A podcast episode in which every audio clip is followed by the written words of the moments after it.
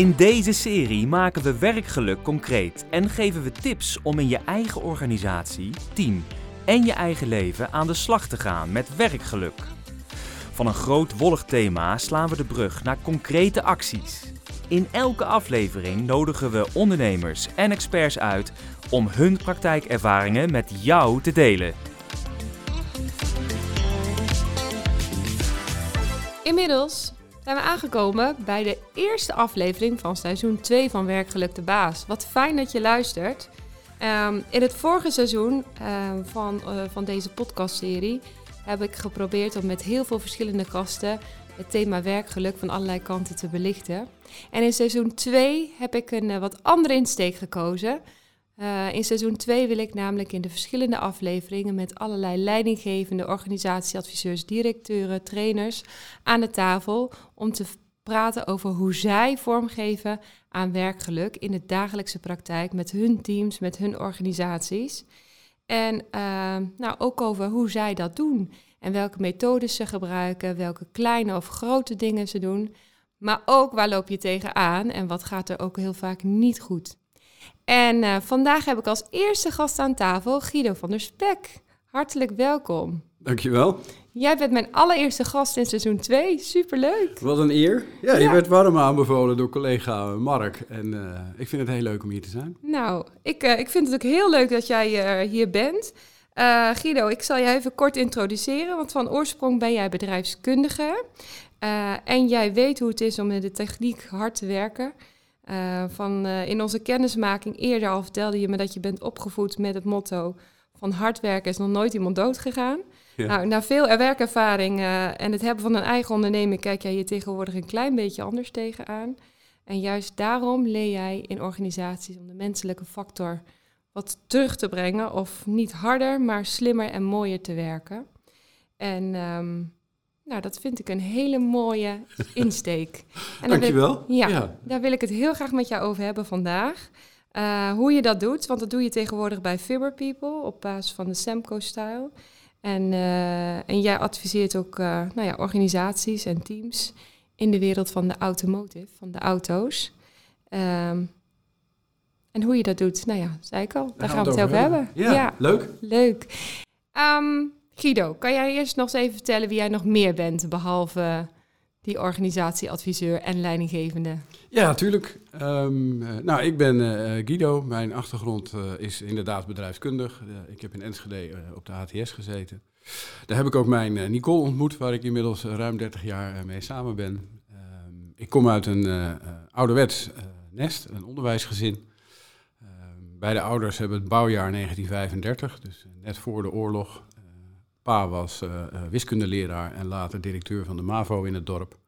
Moeder was uh, lerares, dus ik ben nou ja, ouderwets opgevoed. En een van de dingen die inderdaad gezegd werden, van hard werken is nog nooit iemand doodgegaan, jongen. nou ja, daarvan weet ik intussen dat het niet helemaal klopt. maar het was wel, ja, zeg maar, de tijdsgeest. Ja, ja. ja, want wat klopt daar niet aan? als je uit balans raakt en jezelf te weinig belangrijk maakt en alleen maar ten dienste stelt aan uh, de doelen die je in je werk opgelegd krijgt, want dat is het dan vaak, uh, dan ga je daar uiteindelijk wel degelijk uh, aan stuk. En soms ziek en soms ook inderdaad dood.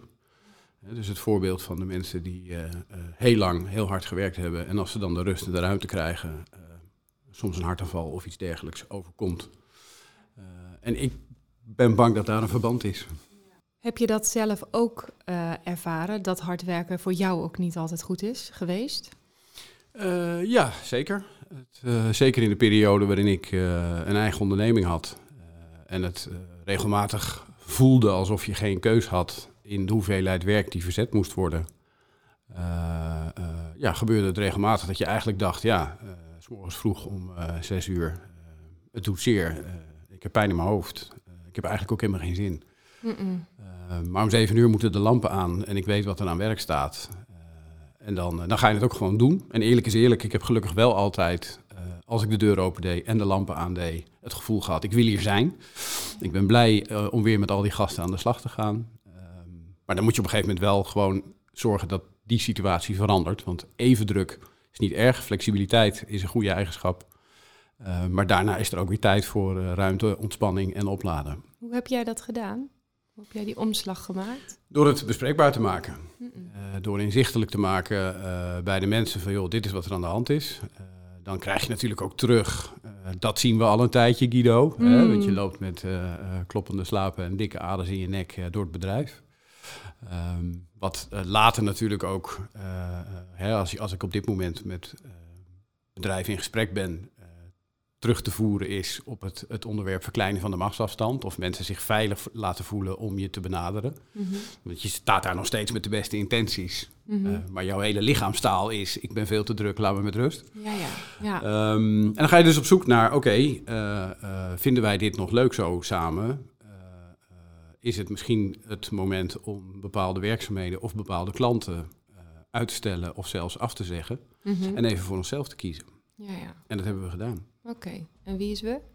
Uh, dat was uh, mijn team bij Kark Technocenter, Ja, ja. het uh, autobedrijf dat ik had. ja. En wat heeft je dat gebracht?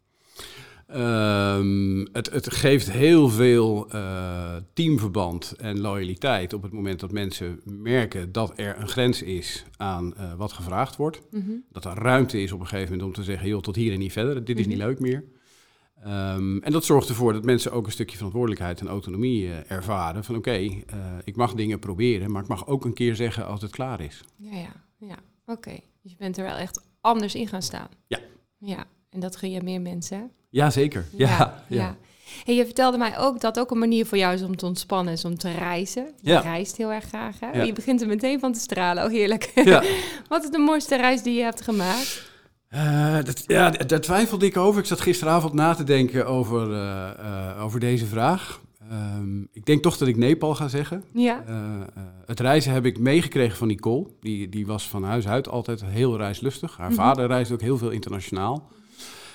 Um, en in Nepal hebben wij een trekking gelopen. Waarbij eigenlijk het voor het eerst voor mij ook heel erg op zijn plek viel hoe fijn dat is. En hoe gaaf het is om zo'n avontuur uh, mee te maken. Ik ga ook hard op, op in de natuur zijn Ja. en de omstandigheden ervaren en daar tegen kunnen. Mhm. Um, we zijn veel later in, uh, in de tijd zijn we uh, ook naar Lapland geweest. Dus Ja. uh, letterlijk min 25 uh, en met huskies in de weer. Die staat wel in ieder geval met stip op nummer 2, want die Ja. vond ik ook heel gaaf. Ja.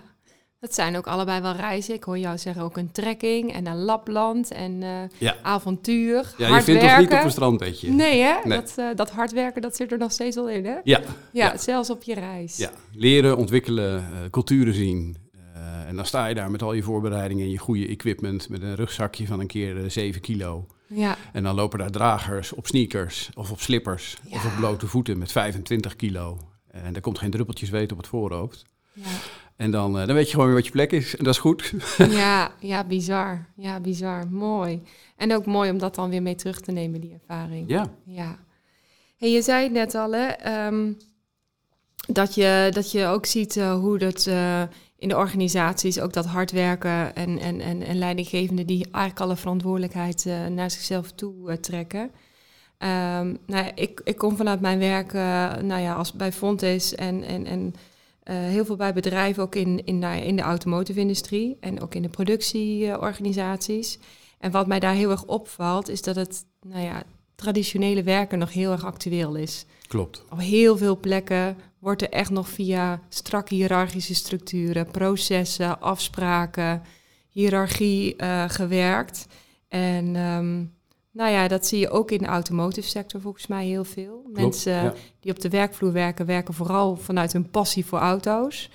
En eh, nou, dat zie ik ook bij mijn studenten hier. Dat gaat alleen maar over auto's, auto's, auto's. En waar dat dan is, dat is eigenlijk nog niet zo heel erg eh, belangrijk. Ehm, ik zie jou knikken, jij herkent dit hè? Ja. Ja, hoe zie jij dat terug? Uh, nou ja, traditioneel is automotive en een heel aantal andere uh, technische uh, industrieën eigenlijk altijd gericht geweest op we gaan eerst geld verdienen. En als we dat goed voor elkaar hebben, gaan we naar de mensen kijken en daarvoor zorgen. Mm terwijl je dat natuurlijk moet omdraaien en het dan ook veel beter werkt. Mm. Um, en het tweede aspect is dat zeg maar de, de mate van controle en de mate van grip die traditioneel in, in automotive uh, gezocht wordt. In, in hele kleine stapjes zetten, in heel veel controleprocessen. eh, leidt natuurlijk tot een, tot een gebrek aan autonomie. Je hebt heel weinig vrijheid om zelf keuzes te maken of te beslissen hoe de kwaliteit van jouw werk gerealiseerd wordt. Mhm. Eh, en dat maakt mensen eh, werk ongelukkig. Ja. En dat is het laatste wat je wil. Ja. ja, want die, die ruimte voor autonomie, of in ieder geval voor inspraak, het gevoel dat je er betrokken bent, dat je ertoe doet, is natuurlijk voor werkgeluk onwijs belangrijk. Heel wezenlijk. Ja. Ja. En, en dat zie je te weinig terug, hoor ik je zeggen. Ja, ik heb ehm, eigenlijk mijn eerste werkgever was IBM, eh, een hele Mhm. andere sector. eh, waarbij wel heel duidelijk was, de professional is verantwoordelijk voor de kwaliteit. Mhm. Eh, toen ik in 2008 een autobedrijf kocht, eh, was dat al wel mijn instelling. En daar werd ik ook bij geholpen door een ge- eigenlijk een gebrek aan technisch inzicht. Hè, want Mhm. ik was bedrijfskundige, ik kon goed de verwachting van klanten eh, verwoorden. Mhm. Ehm, maar mijn mensen, mijn monteurs, eh, die moesten het doen. Die moesten zorgen dat die auto voor elkaar kwam. Ja. Dus die mochten ook bepalen hoe ze wilden werken, hoe ze dat resultaat wilden bereiken. Dat was voor mij heel vanzelfsprekend. Mhm. En ik merkte dat het heel goed werkte voor enerzijds eh, het plezier wat we hadden met elkaar en hoe we dingen fixten. Mhm. Eh, dat ze dus ook invloed hadden op eh, hoe richten we dan zo'n werkplaats in en wat is dan handig. Mhm. En ook er ruimte was om af en toe de waarom-vraag te stellen van joh, we doen dit nu zo, maar ik heb wat anders bedacht. Ja. Zullen we daar eens naar kijken? Ja. En dat is eigenlijk een manier van werken geworden die, die heel erg goed paste bij, bij het bedrijf. Ook bij de manier waarop we ons positioneerden naar klanten toe. En klanten die eh, ja, zeg maar veel gevoel bij die auto hadden, eh, zagen dat weer spiegeld in het gedrag van, van de monteurs. Mhm. Dus je ging bij mij ook het gesprek aan met de monteur als het ging om het probleem van de auto. Die moet het tenslotte fixen. ja, ja, oké. Ehm, en dat, ehm, dat werkte heel goed. ja, werkte dat heel goed? Ja. Want als ik eh, naar, naar mijn garage ga, dan spreek ik altijd met de eigenaar, nooit met de monteur. Klopt. Dus dat hebben we echt heel anders gedaan. Ja, dat zou ik ook heel gek vinden eigenlijk, als ik eerlijk ben. Dat ik dan Ja, doorverwezen word naar de monteur en niet Ja. met de eigenaar spreek. Ja, dus je werd warm ontvangen door de receptionist of door mij. Ja. Ehm, we hebben toen ook heel veel hulp gehad van het OOMT. Dat is het Opleidings- en Ontwikkelingfonds voor de motorvoertuigen en tweewielenbranche. Ja, Die hadden toen de pilot gastheerschap. ja, Ehm, en toen heb ik gezegd, nou ja, uiteindelijk zou ik het dan wel heel fijn vinden als eh, die man of vrouw ontvangen is als klant en aan de koffie zit. Dat je je als monteur gaat voorstellen, zegt dat je aan die auto mag werken ehm, en vraagt wat er precies is. ja, ja, ja. En als later die klant het interessant vindt, ook even mee mag lopen de werkplaats in. En dat is ook meteen iets waar een hoop mensen ontzettend op aanslaan, want daar zitten veiligheidsaspecten aan. ja. Ehm, om te laten zien wat er gebeurt. Ja. Tegenwoordig zie je wel veel dat het wordt gedaan via filmpjes. Dus dat monteurs onder de auto in de werkplaats een filmpje maken voor de klant. Dat is Hm. dan vaak op afstand, dus Hm. dat zijn geen wachtende klanten.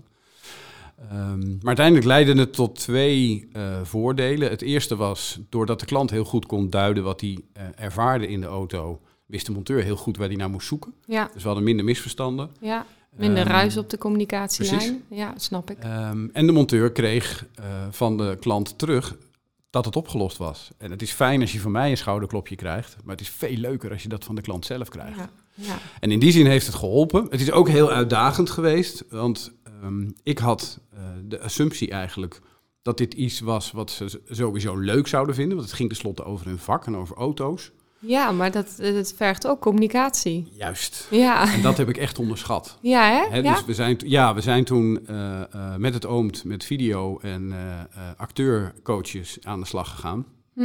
En hebben situaties nagebootst waarin een klant toch even te veel in je cirkel komt. En je niet de ruimte geeft om lekker je werk te doen. Mm. En toen waren er hele stoere gasten die hele grote klussen voor mij deden. Die eigenlijk ja, dat niet konden zeggen. Nee. Maar daar wel heel erg last van hadden. Ja, en die willen vooral lekker met die auto bezig zijn. Precies. En niet met die stoorzender daarnaast. Dus die moesten we echt gaan helpen. ja. Hoe ga jij aangeven dat je nu je ruimte nodig hebt? Ja. Dus dus eh, eh, heel flauw, maar van joh, beste klant, ik ga nu de distributie afstellen. Wij willen allebei dat dat goed gaat. Dus ga even koffie drinken, dan kan ik geconcentreerd mijn werk doen. Ja. En dat snapt een klant, maar je moet wel zeggen. Ja. Dus het is, het, is, het is geen vanzelfsprekend eh, proces geweest. Nee. Eh, er zijn ook echt monteurs geweest die hebben gezegd van joh, eh, soms, niet te vaak. Omdat uiteindelijk techneuten soms ja, gewoon even niet gestoord willen worden. En dat is ook helemaal terecht. Hè, dat is ook hoe bereik je je kwaliteit.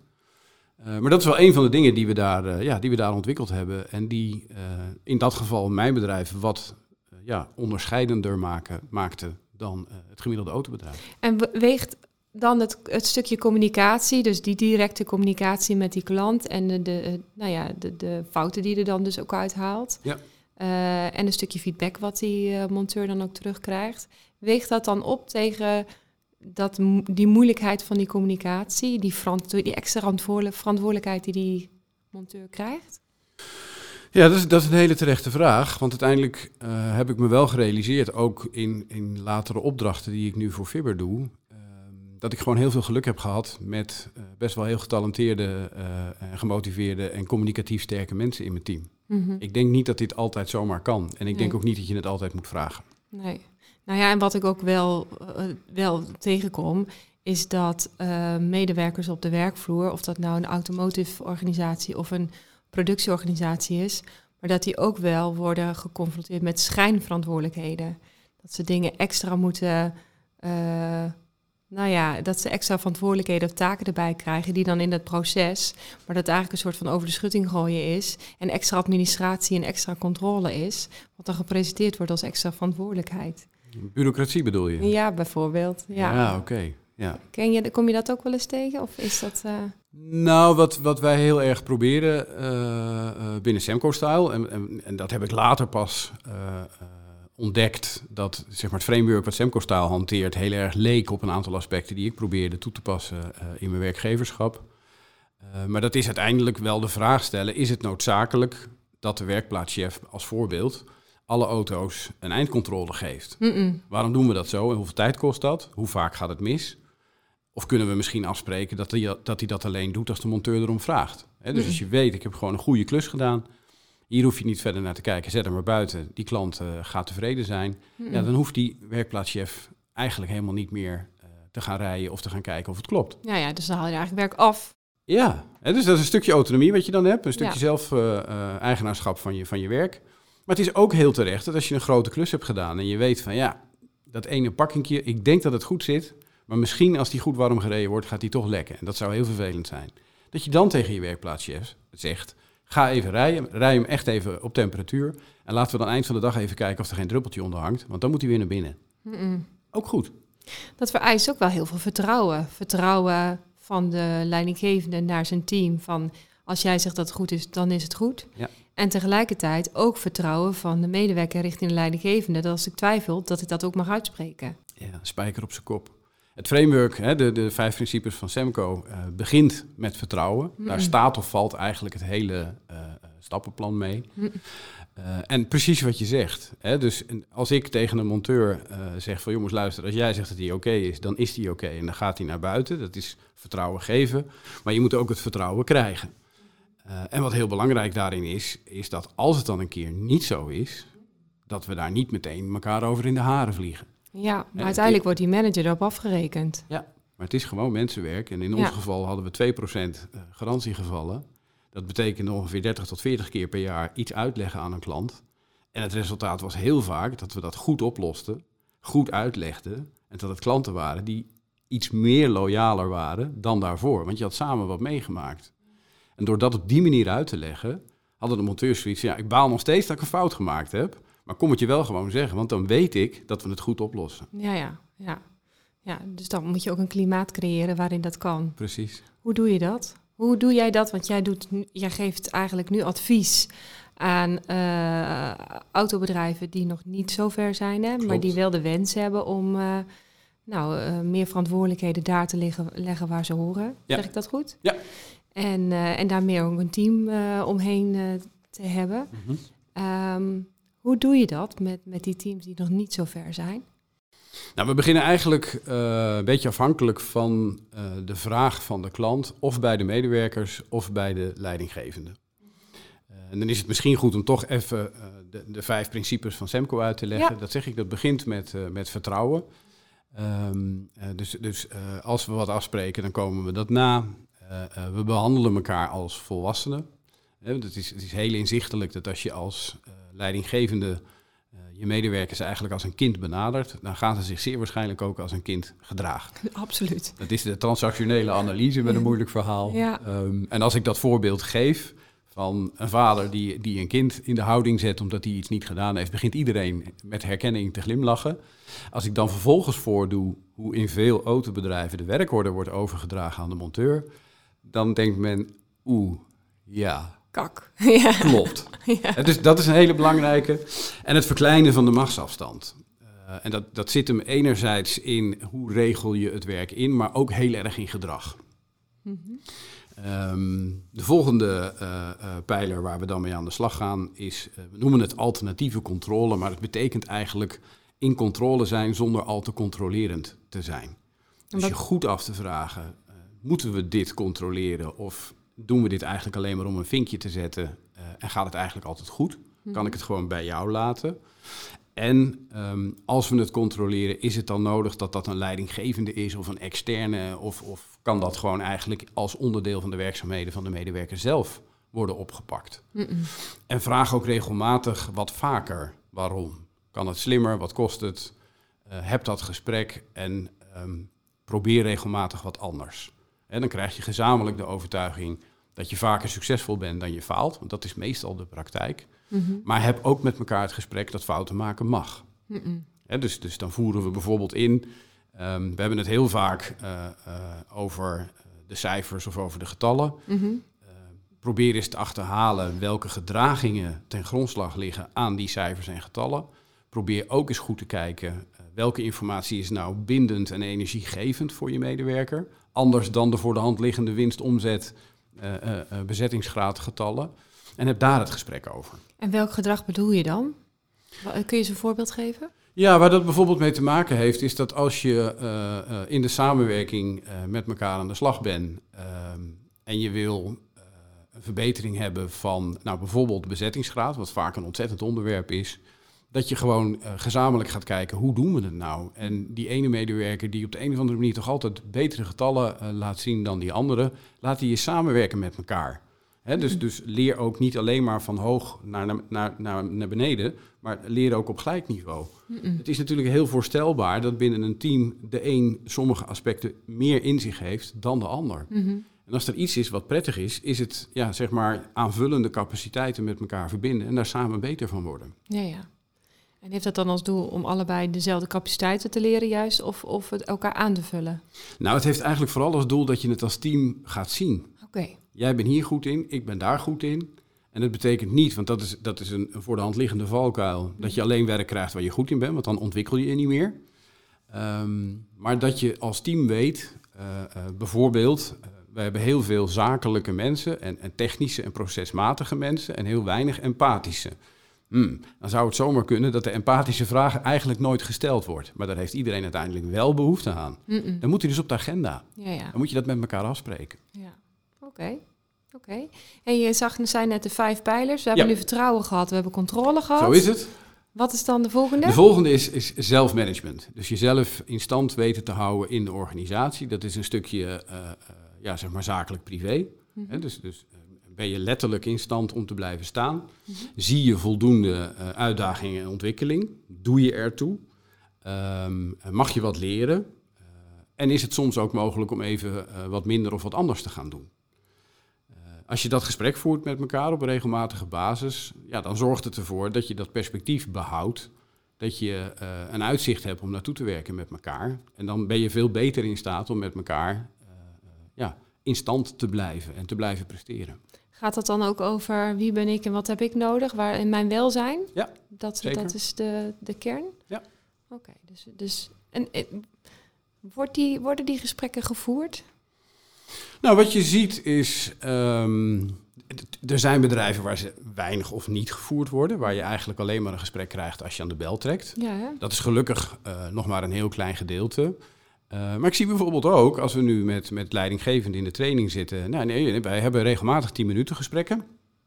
Dat is dan niet heel lang. Um, maar als ik dan vervolgens uh, vraag, hoe gaat dat dan? Nou, die zitten in het systeem. En dan, wat, wat staat er dan op de agenda? En dan staan er allemaal zakelijke punten. Ja, hè? ja nou dat bedoel ik, ja. Dus toen zei ik, maar stel je ook de vraag, hoe gaat het met je? Ja. Ja, dat, dat, dat doen we dan wel. Ja, En weet ik toch hoe als het er gaat. wat is, dan zet ik dat in het commentaarveld. Ja. Ik zeg maar, dat, de structuur is er dus niet op gebaseerd dat je ook even het persoonlijk gedeelte pakt. Ja. Nee. Nee. Zullen we dat veranderen? Eh, ja. Ik zeg ja. Dus verzin iets waardoor je dat eh, in die agenda krijgt. Pas het systeem aan en voer het gesprek. En laat me over twee maanden weten hoe dat gaat. En dan komen ze terug. Ja, ja, dit is eigenlijk wel heel leuk. En ja, we hebben ook meer voor elkaar over. En het, het is leuker eh, om, om eh, eh, elkaar te ontmoeten, want we weten nu wat er speelt. Dus we zeggen niet alleen van, nou, we zijn er weer, we gaan aan de slag. Maar joh, we hadden het er laatst over. Hoe is dat nu? En dat, ja, dat is natuurlijk uiteindelijk wel wat helpt. Ja, werkt dat echt zo? Want ik, ik zie dan even zo'n nou, zo'n heerlijke technische man voor me. Die dan vooral lekker over de inhoud wil praten. En die Ja. moet dan in één keer gaan vragen... Maar hoe gaat het eigenlijk met je? Mhm. Als ik die vraag stel, dan kijk ik van aan... eh, goed, hoezo? Nou, het, eh, het verschilt natuurlijk per mens Ja, en per situatie. Eh, maar uiteindelijk, wat voor soort mens en wat voor aard je ook hebt, je wil gezien en gehoord eh, worden. Zeker. Dat, ja. dat, dat is niet anders. En je moet daar het juiste moment voor kiezen. De een zal het in de groep kunnen zeggen en de ander alleen één op één. Eh, de, de, de, de, de, de ander vindt het prettig als je eh, even in een hokje met de deur dicht. En de, en, en de, de volgende die zegt, joh, kom maar gewoon door de roldeur binnen en zeg 's morgens even tegen me hoe het is. En dan vertel ik jou dat. Mhm. Maar uiteindelijk moet je wel een manier vinden waardoor je gewoon goed weet waar zit iedereen. ja. Oké. En de vierde?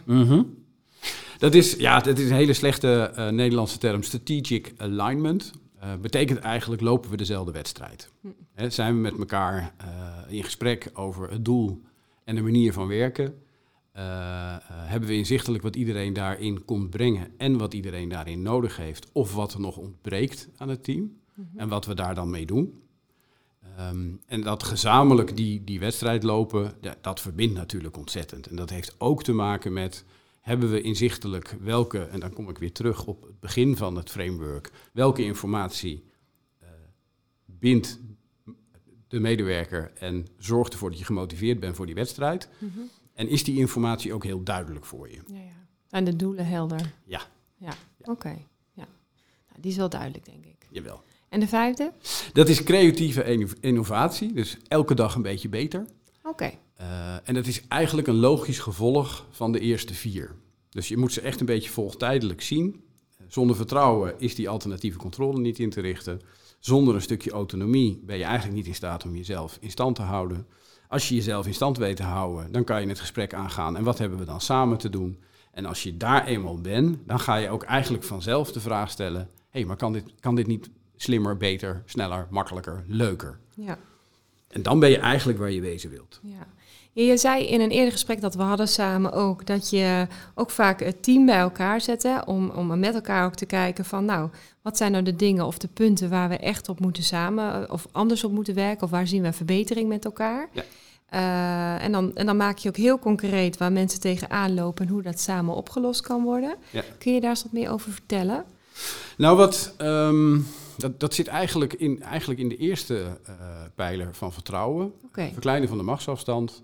En dat heeft ermee te maken dat eh, als ik aan eh, een groepje medewerkers vraag van... Joh, eh, ik, ik heb dit issue, ik heb dit probleem op te lossen. ehm, willen jullie daarover nadenken? Mhm.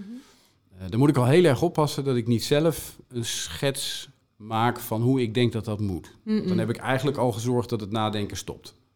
En als ik iemand ben die toch, ja, zeg maar, meekijkend, controlerend overkomt, dan zullen mensen misschien wel met ideeën komen, maar eigenlijk aan mijn ja, non-verbale communicatie al ophalen of ik dat een goed idee vind of Ja. niet. En dan, dan vervolgens maar laten voor wat het is. Ja. Dus soms helpt het ontzettend om te zeggen, jongens, ik wil graag dat jullie hierover nadenken. Dit is de casus. Ik ga wat anders doen. ja. En ik hoor over een uurtje wel wat jullie bedacht hebben met elkaar. Oké, dus je haalt, je haalt echt even de leidinggevende weg bij het team. Ja. En maakt het team zelf verantwoordelijk. Ja. Als de witte rook komt, dan kom ik weer terug. Ja. Oké. En dat betekent ook dat als je wat bedacht hebt en je hebt echt met elkaar het idee dat dit het, dit het is, dan mag je het ook doen. En ik kan me wel voorstellen dat in zo'n traditionele werkplaats, waar mensen heel erg gewend zijn dat de leidinggevende bepaalt, en dat als ze een idee hebben, dat er meteen schuin gekeken wordt naar de leidinggevende van, vind jij dit ook? Mag Klopt. dit? Kan dit? Wat, eh, wat doe ik? Ja. dat dit heel spannend is in het begin. Dat is het. Ja. Het, is, het is op twee fronten heel spannend. Het is, het is voor de mensen heel spannend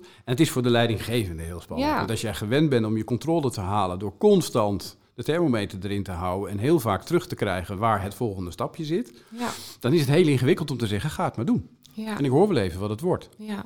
En ik had recent een avondsessie bij een autobedrijf, eh, waar het eigenlijk meteen heel inzichtelijk werd wat er gebeurt als je te veel controle toepast. Eh, we zouden eerst even een hapje eten. De Chinees was bezorgd.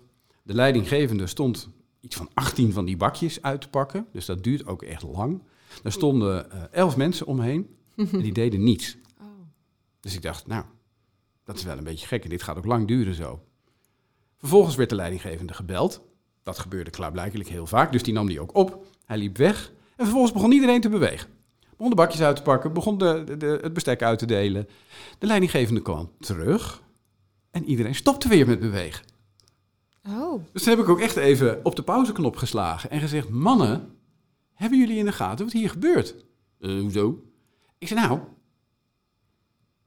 ik zal de namen niet noemen, want dat, is- dat is natuurlijk een beetje stom.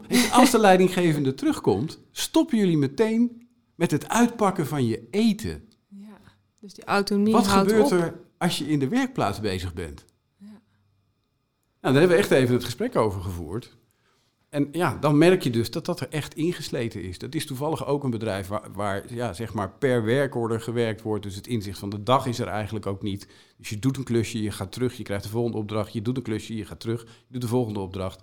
En die mensen die stoppen eigenlijk met nadenken. Ja. Want die krijgen zo meteen een nieuwe stapje. Ja. Nou ja, en als je dan, ik kan me ook voorstellen, als je dan met zo'n team bij elkaar zit en je hebt het een aantal keer gedaan. En nou, ze krijgen er wat schwung in Mhm. en, en ze pakken wat meer zelf die verantwoordelijkheid. Ja. Eh, nemen wat meer zelf de regie over dat wat er gedaan moet worden. Klopt. Maar dan, dan valt het tegen. Dan gaan de cijfers niet goed, of een klant is ontevreden, of het loopt niet zoals het lopen moet. Ja. Ik kan me voorstellen dat er dan in één klik zo weer terug is naar het oude patroon. Ja, dan is het heel eh, verleidelijk om terug te vallen eh, en de druk die je ervaart of die jou wordt opgelegd door te geven aan je mensen.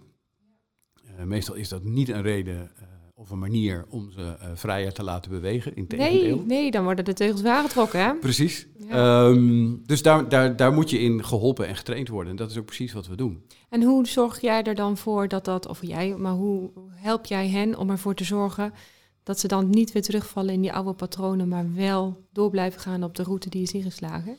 Nou, dat betekent dus dat ook als je onder druk wordt gezet, of je onder druk voelt gezet, Mhm. ehm, dat je de gezamenlijkheid eh, niet uit het oog verliest. Ja, En dat is eh, onvoorstelbaar lastig. Ik heb net mijn, eh, mijn collega-gesprek achter de rug. Ik ben nou, ja, verantwoordelijk voor people.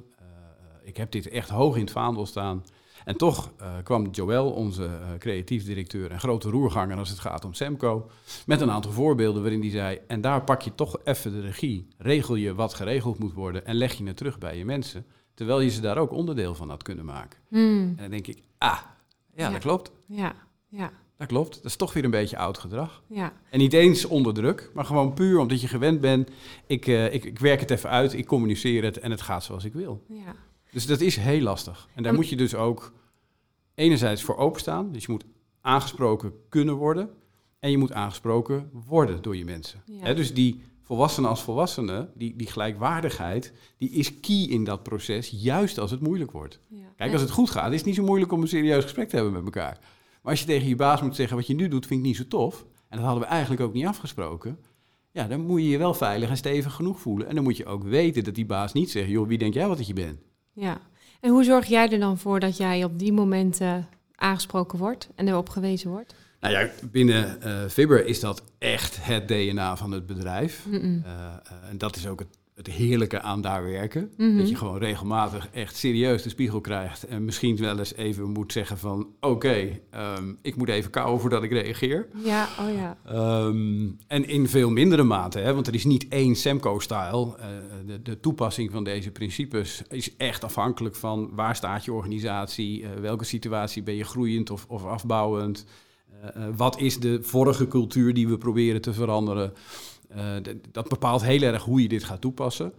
Ehm, maar bij ons is het ja, letterlijk zo dat ik regelmatig van nou ja, alle mogelijke collega's wat terugkrijg. Dat hoeven niet eens mensen te zijn die, die voor me werken of met me werken, maar die gewoon van een afstandje kijken en zeggen, joh, ik zie je iets doen, wil ik je even teruggeven. Ja. Maakt ook wel dat je, als je dan die verantwoordelijkheid elke keer weer teruglegt, dat betekent ook wel iets voor jouw positie. Ja. Want je bent niet meer de oplosser, niet meer degene die het wel even fixt. Nee. Niet meer degene die het belangrijkste is omdat iedereen ernaar kijkt. Je faciliteert. Maar je bent meer de facilitator. Ja. Dat doet ook wel iets met jou als mens, denk ik. Ja. Wat doet dat met jou? Het, ehm, maar goed, dat, dat is iets waar ik eh, eh, ook tijdens mijn, mijn ondernemerschap heel sterk achter kwam. Eh, ik word vrolijker en enthousiaster en energieker van eh, de samenwerking met mensen en het samenhalen van resultaten dan van het resultaat zelf. De weg daar naartoe vind ik interessanter. Mhm. Ehm, en het, het, maakt, ehm, ja, het maakt me hopelijk een eh, eh, completer mens. Mm-mm. Dat, is, dat, is, dat, dat constante ontwikkelen, dat, dat, dat in gesprek blijven, je verdiepen in, in de onderwerpen die samenwerken en communiceren, verbeteren, maakt, maakt het, le- het werkende leven veel leuker. Het voelt ook regelmatig niet als werken. Ja, ja. Dus juist het delen van die verantwoordelijkheid geeft verlichting. Ja. Hoor ik jou eigenlijk tussen de regels doorzeggen. Ja. Mooi. Wat gun jij als afsluitende vraag? Wat gun jij eh, alle collega-leidinggevenden ehm, als het hebt over leiderschap en, en, en teamontwikkeling? Wat ik ze gun is eh, het besef dat, dat autonomie eh, heel wezenlijk is voor, voor werkgeluk. Eh, dat je daarover het gesprek moet voeren. Eh, ehm, wat ik ze eh, bovendien gun is dat ze mensen om zich heen hebben die als het even niet lukt op een rustige en volwassen manier tegen ze zeggen dat dat gebeurt. En dat je daar samen mee aan de slag gaat. Want dit is nooit af.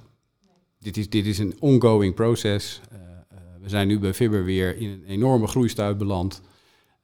Dus als er zomaar 30% meer mensen in, in je organisatie zitten die van buiten komen, vanuit andere culturen, vanuit andere gedachten, ehm, ja, dan, dan ontstaat het dat ook wij even terug in de tijd gezet worden en dat we weer even met z'n allen dat gesprek moeten voeren. Eh, en het klinkt nu misschien alsof we heel veel gesprekken voeren. dat valt reuze mee. Eh, want uiteindelijk is wel echt de volgorde eh, eerst heel tevreden mensen, dan heel tevreden klanten en dan een fantastisch resultaat. Want bedrijven die dit goed hebben weten te implementeren, zijn veel winstgevender, hebben een lager verloop, hebben minder verzuim, hebben veel minder moeite om mensen te vinden. Dat is wel heel fijn. Ik vind dat een fantastische afsluiter, Guido. Dank je Nou, dan heb ik dat goed gedaan. Ja, heel mooi. Ehm, ontzettend fijn dat je er was vandaag en dat je jouw ervaringen en eh, nou, tips eh, wilde delen in deze podcast. Heel graag gedaan. Ontzettend bedankt daarvoor. Ja. Ehm, stel dat mensen nou nog eh, meer over jou willen weten of contact met jou willen opnemen, kan dat? Jazeker. Wij, eh, sowieso ben ik goed eh, vindbaar en bereikbaar. Fibber is dat natuurlijk ook. Maar ik, ik sta mensen graag te woord. Sta ze bij als ze hier wat meer van willen weten of als ze ermee aan de slag willen. Nou, hartstikke mooi. Dankjewel. Ehm alle luisteraars, hartelijk dank voor het luisteren aan deze eerste aflevering van seizoen 2. Heb je seizoen 1 nou nog gemist? Check ook alsjeblieft die aflevering, want die zijn ook absoluut de moeite waard. En voor seizoen 2 heb ik weer een heel aantal mooie afleveringen voor je klaarstaan. Ehm, wil je alle afleveringen als eerste luisteren? Abonneer je dan en like en deel deze afleveringen ook met anderen. En wil je ook een keer bij mij aan tafel komen? Ben jij zelf een leidinggevende en heb jij ook een goed verhaal? Ehm, mail me dan naar werkgeluktebaas.fontes.nl En wie weet zie ik jou hier aan tafel. Fijne dag!